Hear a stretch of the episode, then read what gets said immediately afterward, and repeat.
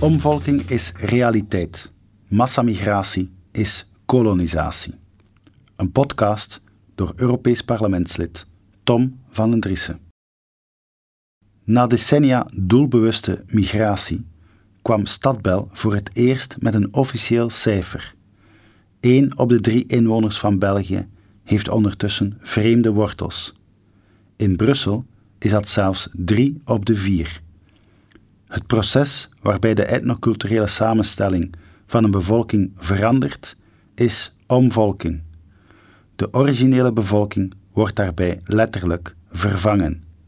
Dat is precies wat er aan de gang is.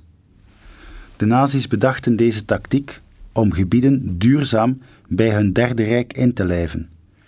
De geschiedenis leerde hen dat een gebied militair veroveren en politiek inlijven zonder het cultureel te transformeren niet duurzaam was. Daarom wilden ze de bevolking in veroverde gebieden letterlijk vervangen door een omvolking. Duitsers importeren en de oorspronkelijke bevolking uitroeien en dus vervangen. Een volk met een gedeelde etnoculturele identiteit herkent zich in elkaar. Wie zich in een gemeenschap herkent, bevestigt daarmee dat er gedeelde belangen zijn. En die worden vervolgens verdedigd via machtsuitoefening. Gemeenschappen hebben verschillende belangen. Die zijn in strijd met elkaar. En dat is politiek.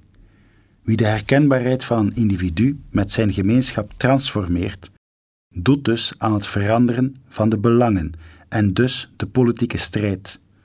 Omvolking is dus een etnoculturele manier om een politieke strijd te voeren.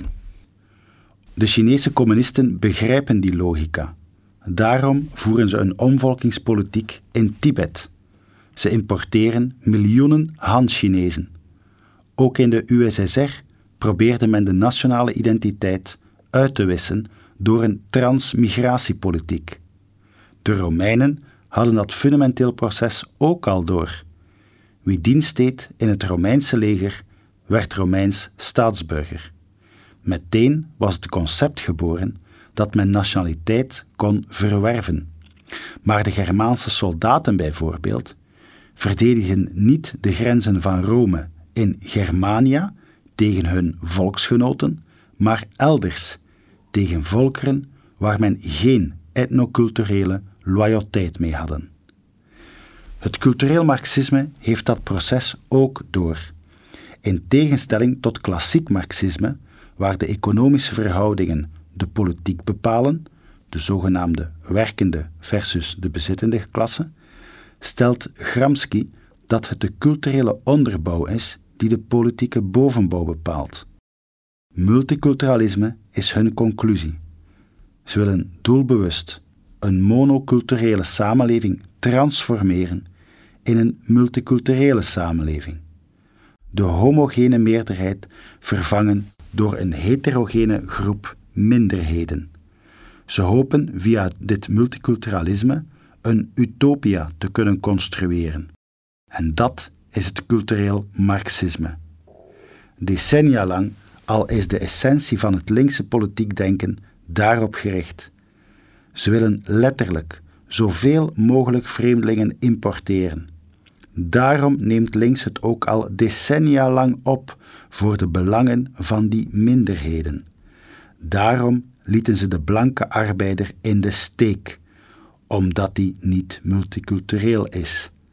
Daarom vinden ze discriminatie positief, als het tenminste tegen de blanke meerderheid gericht is. Maar wat we vooral niet mogen doen, is blijkbaar benoemen waar hun culturele oorlog tegen onze bevolking op neerkomt. Omvolking is echter een realiteit. Dat is een doelbewuste politiek. Als we met de massamigratie verder gaan, worden wij uiteindelijk minderheid in eigen land, met wiskundige en dus voorspelbare zekerheid. Waar links zich grondig in vergist, is dat het niet het gevolg heeft dat een nieuwe multiculturele identiteit en dus belangen en dus politiek ontstaat, maar dat de multiculturaliteit geen integratie, maar segregatie oplevert. Al eeuwen weten we dat integratieprocessen natuurlijk mogelijk zijn, maar dat ze heel langzaam verlopen. Doordat ze te veel mensen met een culturele achtergrond die te ver van ons staat, op een te korte tijd naar hier halen, door geforceerde massamigratie, is integratie onmogelijk.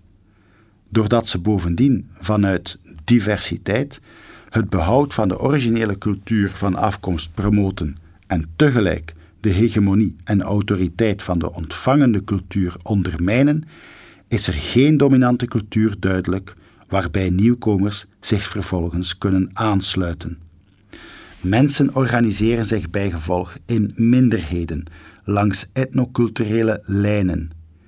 En die etnoculturele gemeenschappen hebben inherent eigen belangen die ze herkennen en ook politiek verdedigen. En die belangen zijn per definitie in strijd met elkaar. Het gevolg is de balkanisering van onze samenleving. Daarom betekent multiculturalisme een inherent conflictmodel dat tot steeds grotere maatschappelijke spanningen leidt. Dit is geen duurzaamheid. Dit is geen rentmeesterschap. Is dat de toekomst die wij willen voor onze kinderen en kleinkinderen? Of kijken we liever politiek correct de andere kant uit?